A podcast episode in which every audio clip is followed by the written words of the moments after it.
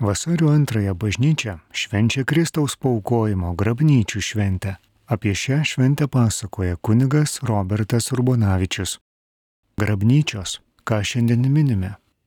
Jeigu kalbant liturgiškai, švenčiame 40 dieną Kristaus gimimo po Kalėdų šventės ir pagal seną paprotį, galbūt jau daug kur primiršta, šiandien oficialiai uždaromas Kalėdų laikas, nes iki tol, nors buvo jau eilinis liturginis laikas, buvo galima laikyti ir prakartėlės, ir papuoštas eglutes, ir gėdoti Kalėdų giesmes, tarsi pratesiant tą kalėdinį džiaugsmą, nes būtent grabnyčių šventė yra paskutinė kalėdinio laikotarpio šventė, užbaiginti šitą Kristaus įsikūnymo įvykį.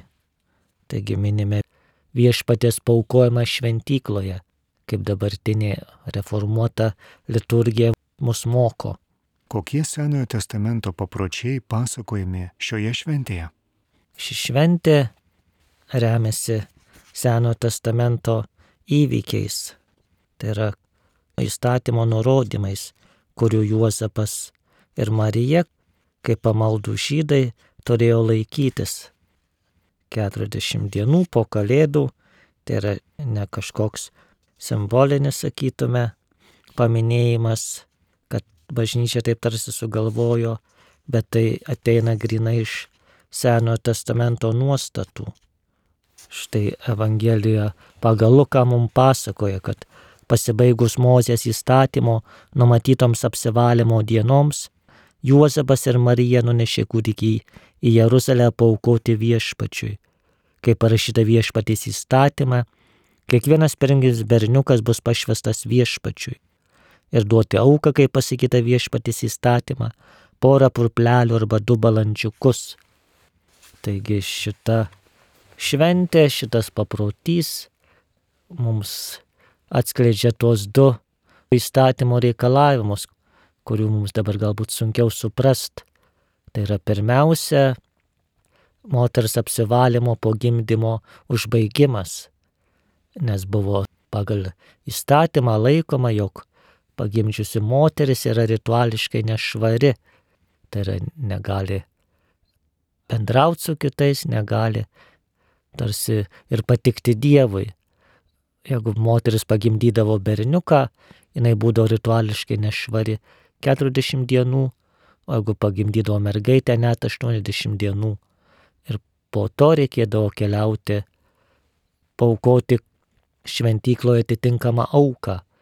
Tai yra, kaip rašo, porą pruplelių arba du balandžiukus, tai buvo vargšų auka arba ėriuką, kadangi Marija Juozapas paukojo tik porą pruplelių, tai reiškia, jog jie nebuvo labai pasiturintys, negalėjo leisti savo nusipirkti ėriuko. Todėl būtent ir po keliasdešimt dienų keliauja šventoji šeima į Jeruzalės šventyklą, tam, kad paklusdama įvykdytų tą įstatymą. Žinoma, mergeliai Marijai nereikėjo apsivalyti, nes jinai buvo ir taip bedėmės, tačiau tai yra paklusnumo aktas.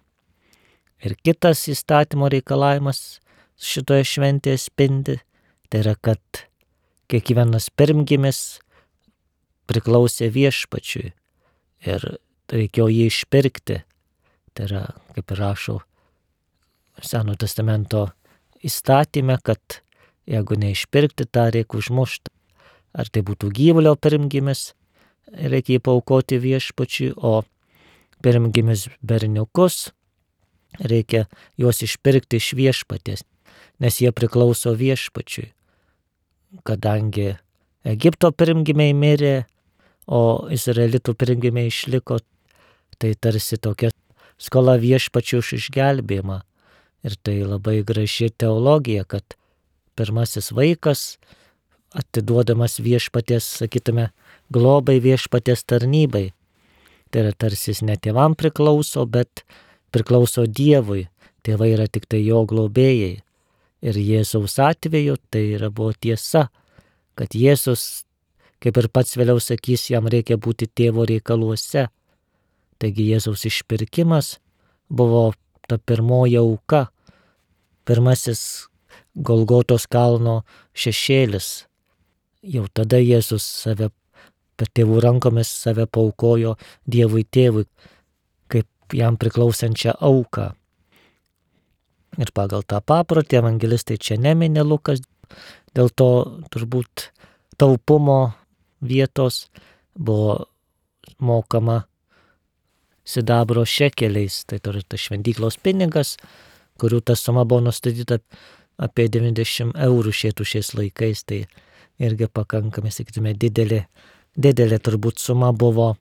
Taigi minime du įvykius - pagimčiusios moters apsivalymą ir pirmgimio išpirkimo apėgas. Šitie papročiai šioje šventėje ir atsiskleidžia. Kokia liturginė šios šventės raida ir jos akcentai? Liturginis šventimas Kristaus paukojimo atsirado kartu ir, ir negreitai, bet kartu ir greitai. Ketvirtame amžiuje, tai yra tame amžiuje, kuomet jau krikščionybė išėjo iš katakombų, išėjo iš persikiojimų ir galėjo pradėti normalų liturginį gyvenimą. Jeigu prisimintume, kad pats Kalėdų šventimas atsirado irgi tik tai ketvirto amžiaus pradžioje, apsireiškimas, tai yra Epifanijos, trijų karalių šventė irgi panašių laikų atsirado, taigi Kristaus paukojimo šventė irgi atsirado, sakytume, labai greitai. Aišku, jos atsiradimo vieta buvo Jeruzalės bažnyčia, kuomet natūralu, kad toje vietoje, kur gimė Jėzus, kur buvo paukotas, tai yra ten prasidėjo tas šventimas, bet ilgainiui jinai paplito po visą, pirmiausia, rytų bažnyčią, o paskui ir vakarų bažnyčią Romą pasiekė maždaug 6-7 amžių. Čia jinai buvo kaip ir viena iš Marijos švenčių įvardinta, daugiau dėmesio skirta mergeliai Marijai, tačiau kartu minėta ir viešpatės paukojimas šventykloje.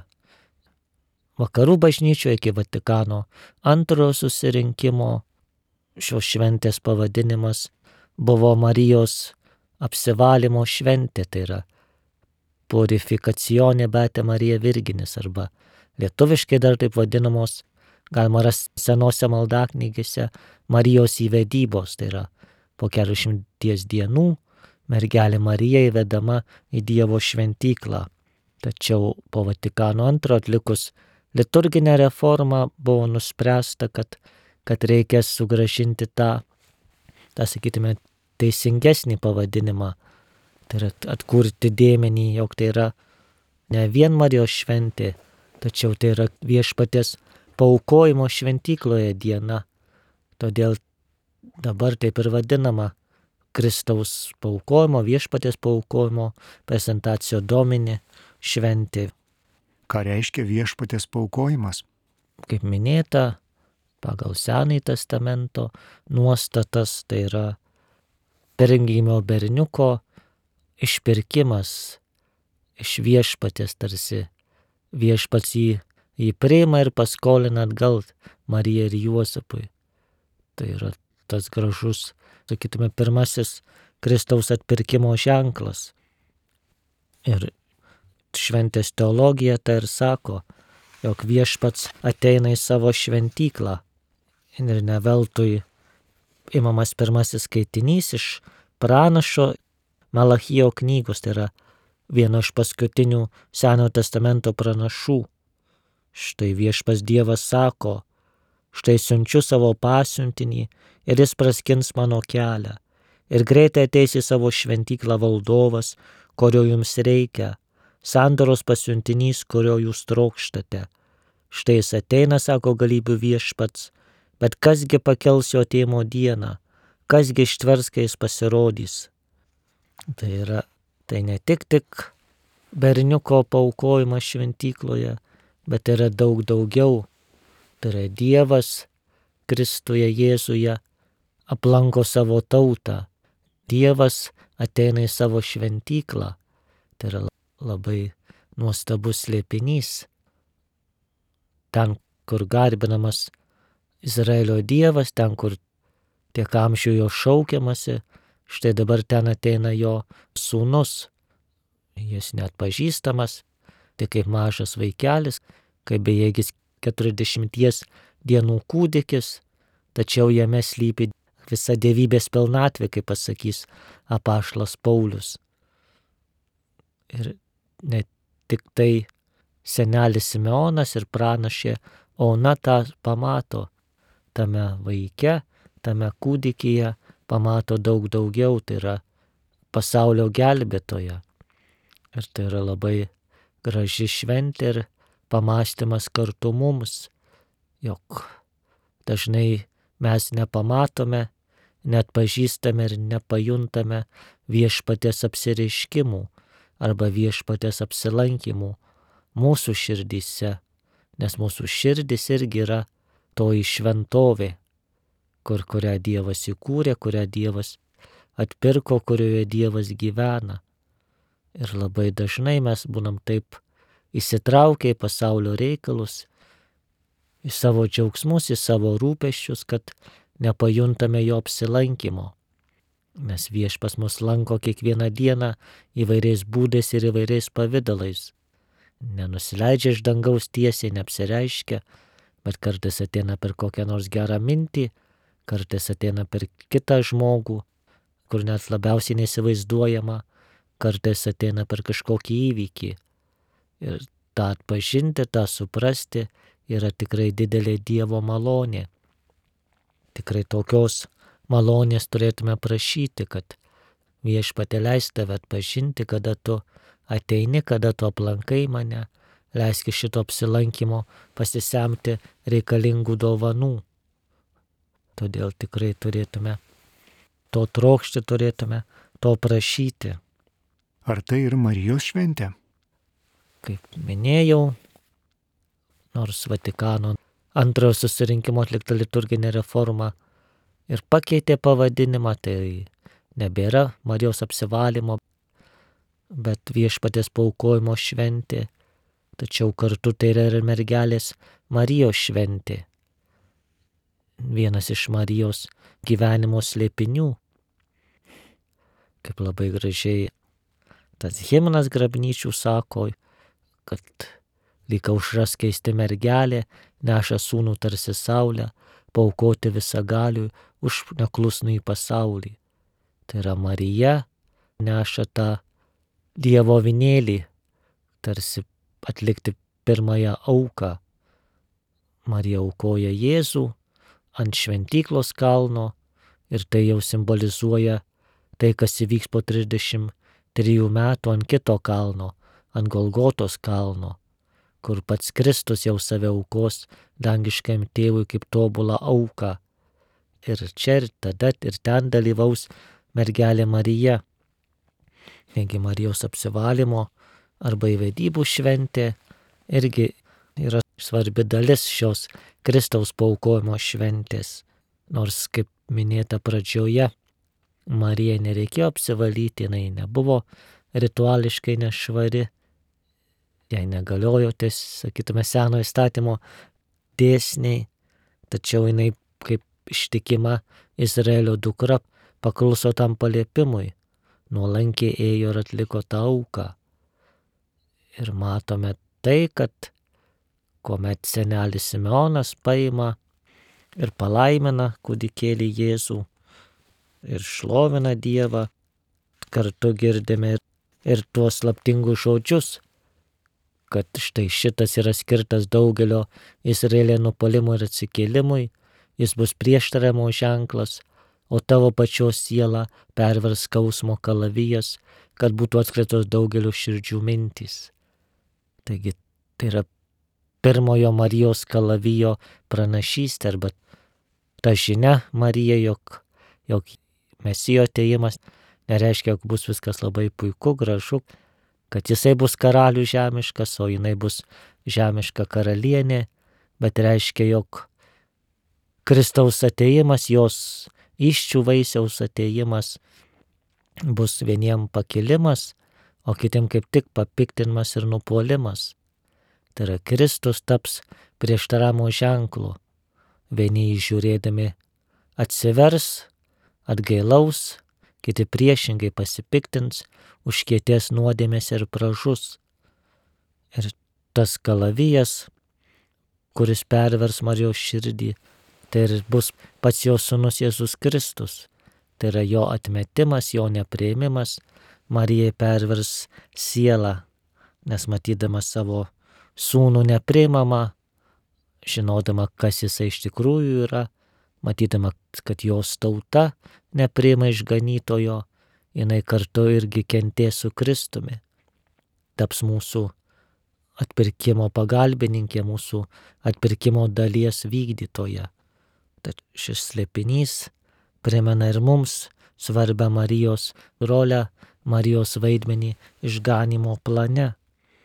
Neveltui ta pamaldžioji liaudės yra sukūrusi Marijos su septyniais skausmo kalavijais širdyje atvaizdą. Tai yra tarsi tuo simboliškai pasakoma, jog tas Simeono kalavijas žadėtas tuo met 40 dieną po Kristaus gimimo galiausiai įsiskleidė į daugybę kalavijų, tai yra daugybė tų momentų, kuomet Marija dalyvavo Kristaus kančiaus dalyje, kuomet reikėjo bėgti į Egiptą, kuomet jinai prarado šventykloje Jėzų pametė ir visais kitais atvejais, kuomet matė jį parduotą, plakamą, kryžių nešamą, nukryžiuotą ant savo kelių jau mirusi. Visi šitas skausmas jos širdie įsiskleidė septyniais kalavijais. Galiausiai visų mūsų nuodėmės, visų mūsų nedėkingumas viešpačiui irgi yra tas kalavijas Marijos širdyje. Tad tikrai šią dieną apmastykime ir Marijos skausmus.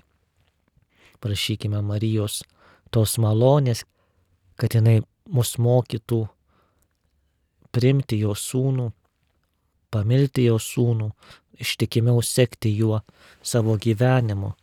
Tikrai sopolingoji mergelė Marija tą puikiausiai gali padaryti. Susitikimas su seneliu Simeonu, kuo jis svarbus? Taigi dar vienas iš šios šventės akcentų yra Jėzaus susitikimas su seneliu Simeonu. Ir vienas iš šios šventės pavadinimų, ypatingai graikų bažnyčioje taip ir vadinos. Tai yra susitikimas su Simeonu. Ir labai gražu skaityti pasakome apie Simoną, taip pat ir kartu apie pranašę Oną. Tai yra tą teisų Izraelio likutį, tuos senelius, kurie savo gyvenimą nugyveno pasitikėdami viešpačiu, laukdami viešpatės, tarnaudami jam. Kaip skaitome tiek apie Simeoną, tiek apie pranašę Oną, kad jie laukė Izraelio paguodos ir šventoji dvasia buvo su jais. Apie Simoną sakoma, kad jam buvo šventosios dvasios apreikšta, jog jis nemirsęs, kol nepamatysęs mesijo. Ir tai labai gražus faktas.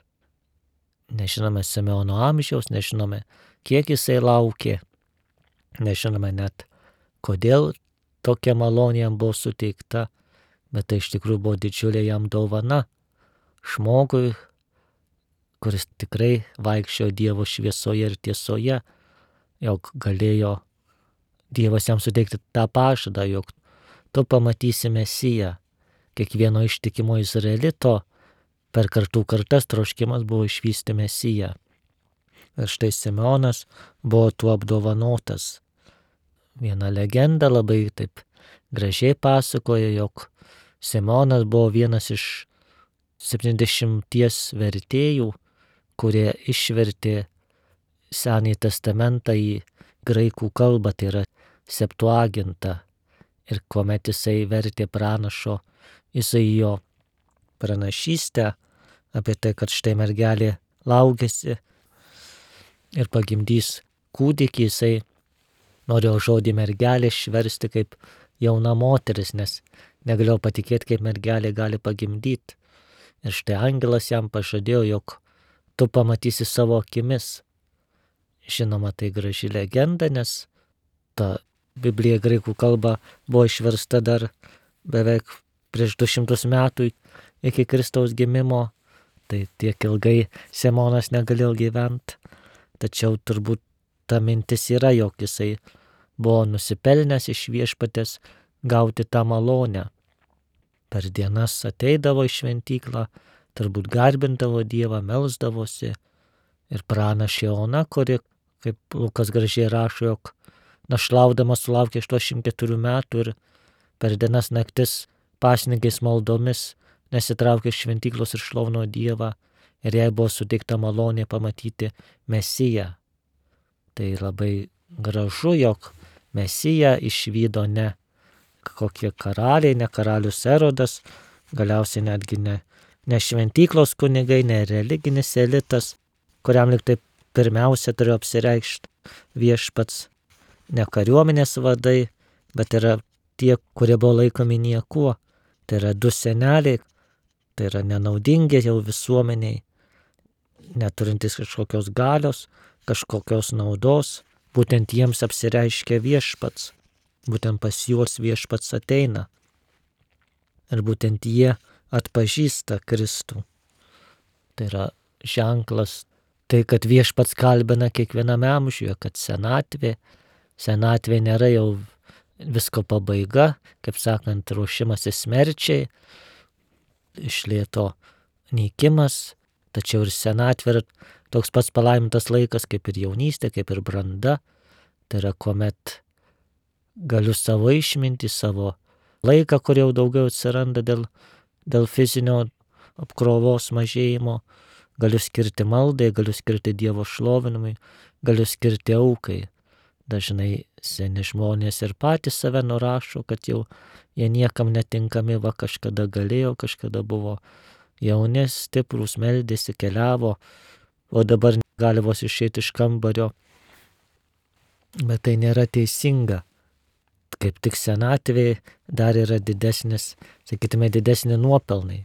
Galima aukoti viešpačiui savo vargus, galima daugiau laiko skirti maldai, tam dvasiniam apaštalavimui. Tikrai šita šventė mus ir pamoko. Ir labai gražu, kad Simeonas, atpažinęs Mesiją, paima rankas ir šlovina Dievą. Ir čia turime trečią Evangelijos giesmę, tai turbūt žino tie, kurie meldžiasi valandų liturgiją arba ar per Marijos radiją, ar su Magnifikat leidinėliu. Žinote, kad yra, yra rytmetinėje Zacharijo giesmė Benediktus, vakarinė yra Mergelės Marijos Magnifikat giesmė, tačiau dar yra trečioji Simeono giesmė Nungdimitis, jinai gėdama per naktinę maldą ir sako, dabar gali valdovę, kai buvo išžadėjęs leisti savo tarnui ramiai iškeliauti, nes mano akis išvydo tavo išgelbimą, kurį tu parengiai visų tautų akivaizdoje, šviesą pagonėms apšviesti ir tavosios Izraelio tautos garbę. Matome, kad Simeonas pirmiausia džiaugiasi, kad viešpats išpildė savo pažadą, dabar jisai gali ramiai iškeliauti, nes išvydo išgelbimą, kuris bus visom tautom, tiek pagonim ir tiek Izraeliui. Tai yra jau Simeonas pranašauja, kad Kristus nebus tik žydų mesijas, kai buvo tuo metu klaidingai suprantama, jog mesijas tai bus tas, kuris kaip koks karalius Dovydas ar Saliamonas, kuris atkurs Izraelio karalystę fizinę prasme. Tai yra išvarys romėnus, kurie buvo okupavę tada Palestiną, atkurs Izraelio karalystę ir, ir viešpataus nuo jūros iki jūros, kaip salmėje sakoma. Jau tada Simeonas, apšviestas šventosios dvasios, suprato, jog tikroji mesijo paskirtis tai yra išgelbėti išrinktąją tautą, tačiau ne tik ją ir būti šviesa pagonims, tai yra tiems, kurie gyvena nuodėmės ir bedėvystės tamsybėje. Tai yra Simono giesmė, yra tas džiugus Dievo šlovinimas, kad štai atėjo išganimas, štai atėjo išgelbimas. Aš gal jo nepamatysiu, bet aš galėjau prie jo prisiliesti. Tad tai yra viena iš jautriausių, gražiausių šios šventės akcentų. Kodėl ši šventė tapo pašvestųjų? Įdomu, kad popiežius Jonas Paulius II būtent grabnyčias paskelbė kaip pašvestojo gyvenimo narių diena. Tai yra pakvietė maldai už mūsų brolius ir seseris, vienuolės, pasaulietinių institutų, įvairių bendro gyvenimo formų narius melstis, kad rodytų, kuo tai susiję, kad nei Marija buvo vienuolė, nei, nei Juozapas vienuolis, nei Simeonas Sopranas Šiona nebuvo vienuolė ir tarsi Jėzaus paukojimas liktai ne prie ko čia. Tačiau tai yra labai graži teologinė mintis. Tai yra Kristaus paukojimas, Kristus save paukoja dangiškajam tėvui. Tai yra pašvenčia save viešpačiui. Savo gyvenimą, savo visą tarnystę jau tada tampa Dievo tarnu. Ir labai gražu, kad bažnyčio irgi yra ta žmonių grupė, kurie irgi save paukoja viešpačiu savo gyvenimą tuo ypatingu būdu, nes esame aišku visi pakviesti savo gyvenimus aukoti viešpačiui. Tačiau būtent vienuolinis gyvenimas yra ypatingas tuo, jog atsisakoma savęs, tarsi savo planų, to įprasto gyvenimo būdo sukurti šeimą, turėti palikonių, įprasminti save įvairiuose darbuose. Ir štai čia pasirinkamas tas būdas sekti Kristumi, tai yra visiškai priklausyti Dievui, būti tuo pirmagime, pirmagime, kuris yra visiškai pašvestas viešpačiui. Daugybė kongregacijų yra katalikų bažnyčioje, daugybė brolių seserų, ne tik tų kaip įprastų ordinų ar naujų, ar, ar kontemplatyvių bendruomenių, tai yra tų, kurie užsidarė, meldžiasi, ar tų apaštalinių bendruomenių, tačiau yra ir pasauliečių institutai, tai yra tie, kurie gyvena pasaulyje, bet yra susisaistę įžadais patarnauti viešpačiu. Tai yra tikrai šitas bažnyčios sodas yra labai turtingas ir reiktų čia atskiros laidos, bent tik apžvelgti nedidelę dalį tų visų įvairių kongregacijų, tai yra kaip šventoji dvasia. Per amžius bažnyčios žmonės pažadina įvairiem pašaukimam, įvairiem dvasingumam ir kiekvienas iš jų, kiekviena šita kongregacija, vienuolinė šeima, jeigu jinai yra tikra, sveika, praturtina bažnyčią, tikrai turime dėkoti Dievui už, už mūsų brolius, už mūsų seseris, pašvestuosius, kurie savo gyvenimą aukoja bažnyčiai, aukoja Dievui pirmiausia, melsdamiesi už pasaulį, už pasaulio reikalus, ypatingai kontemplatyvus vienuoliai, klauzūroje esantis broliai, seserys, tačiau ir taip vadinami apaštaliniai, tie, kurie tarnauja kažkurio konkrečioje srityje, vieni galbūt su vaikais dirba, kiti misionieriauja, kiti ligonėm patarnauja, daugybė ligoninių buvo įkurta, daugybė karitatyvinių organizacijų laikėsi ant vienolyjų ir daugybė misionierių, padėjusių galvą dėl Kristaus, priklausė pašvesto gyvenimui. Taigi ši diena yra puikia proga dėkoti už jų pašaukimą, Tikrai puikia proga už juos melstis. Sveikinkime, nebijokime pasveikinti pažįstamus vienuolius, vienuolės, kitų pašiusto gyvenimo formų narius. Kartais iš savo praktikos gal toks pastebėjimas, kad šią dieną dažnai ir aš susilaukiu sveikinimų su pašvesto gyvenimo diena. Tai iš vienos pusės aišku smagu, kad žmonės prisimena, bet iš kitos pusės tai bent jau teologiškai nėra teisinga, nes kunigas, nors irgi yra pasišventęs viešpačiui, paukoja savo gyvenimą viešpačiui, tačiau jis nėra pašvestojo gyvenimo narys. Žinoma, būna kunigų, vienuolių įvairių kongregacijų, jos galima sveikinti, bet šią dieną reikia sveikinti tuos brolius, brolius ne kunigus, kurie yra pasišventę vienuoliniam gyvenimui. Nes kunigystė yra atskiras pašaukimas, dar kitas atskiras kelias ir yra daug progų per Jėzaus širdies šventę, ypatingai per Kristaus amžino ir aukščiausio kunigo šventę. Bet aišku, pasveikinti tikrai, tikrai nieko blogo neatsitiks. Kas ta grabnyčia? Kasgi toji grabnyčia yra? Kaip įvairios šventės liturginės turi vienokius pavadinimus, o liaudyje, arba kaip sakant, kasdieninėje kalboje prigyja dar kiti pavadinimai. Pavyzdžiui, Kristaus gimimą vadinama Kalėdomis, prisikelimą Velykomis, Marijos dangų nėmimą žolinę, taip ir paukojimo šventė pas mus Lietuvoje vadinama grabnyčiomis. Kitose šalyse tai yra angliškai yra kandlema, candlemas, tai yra žvakių mišio, žvakių šventė išvertus. Ispanakalbėje terpė irgi panašiai susijęta su žvakėmis ir taip pat ir Lietuvoje šitas pavadinimas grabnyčios yra susijęs su žvakėmis. Tai yra grabnyčia arba gramnyčia yra iš lenkų kalbos atėjęs žodis, kuris reiškia žvakė arba lietuviškai buvo sakoma graudulinė žvakė, tai yra toji žvakė, kuri buvo uždegama mirties valandą.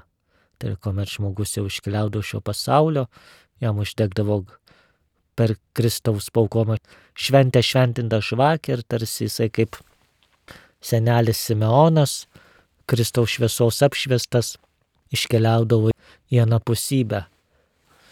Tai žinoma, mes šiais laikais jau galbūt nespėjame uždegti prie mirusio žvakės ir, ir grabnyčių žvakė galbūt nebeturi tos prasmės, tačiau šis pavadinimas yra išlikęs ir turbūt dėl to, kad mišių pradžioje yra šventinamos grabnyčių žvakės.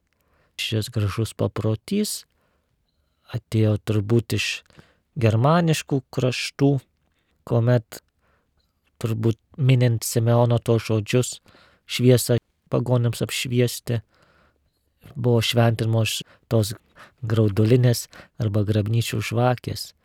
Tai simbolizuoja mūsų tikėjimą, mūsų pasitikėjimą Dievu, kad mes visi, kurie esame krikštyti, kurie esame Kristaus kūno nariai, mumise gyvena Dievo šviesa.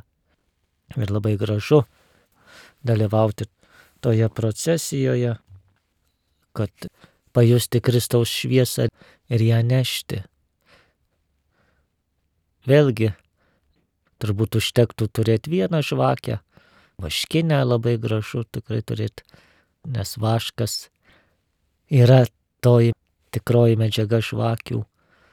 Tikrai nereikia pundo žvakių, kai pasitaiko, kur iš per didelio pamaldumo galbūt žmonės atneša po 10, po 15 žvakių, net neaišku, kur jas deda, gal jeigu ten dalina kitiem, galbūt, galbūt yra gerai, bet jeigu sandėliuoja sekcijoje, tai gal to nereikia tikrai, kad įvyktų šitą, sakytume, malonė, užtenka ir vienos žvakelės. Svarbu mūsų atviros širdis, svarbu, kad Kristus uždegtų mūsų širdis, Kristus jas įeitų. Taigi šiandien tikrai prašykime tos malonės, kad viešpatie to uždeg mūsų širdis, viešpatie išenki mūsų šventovės, viešpatė atnaujink ir perkės mūsų gyvenimus. Amen. Taigi gražios šventės, brangus klausytojai, tikrai nebijokime liūdyti Kristų, nebijokime aukoti save Kristui, nebijokime aukoti savo gyvenimus viešpačiui ir nebijokime to skausmo kalavijo, kuris kartais perveria ir mūsų širdis. Dėl to, kad būtų atskleistos daugelio širdžių mintis, kad žmonės atsiverstų kartais, mums reikia panešti Kristaus kryžių, turėti dalį Kristaus kryžiuje. Taigi tikrai Marijos pavyzdžių, drąsiai su pasitikėjimu, primkime visus sunkumus. Amen. Ačiū. Apie vasario antrąją dieną švenčiamą Kristaus paukojimo grabnyčių šventę pasakojo kunigas Robertas Urbonavičius.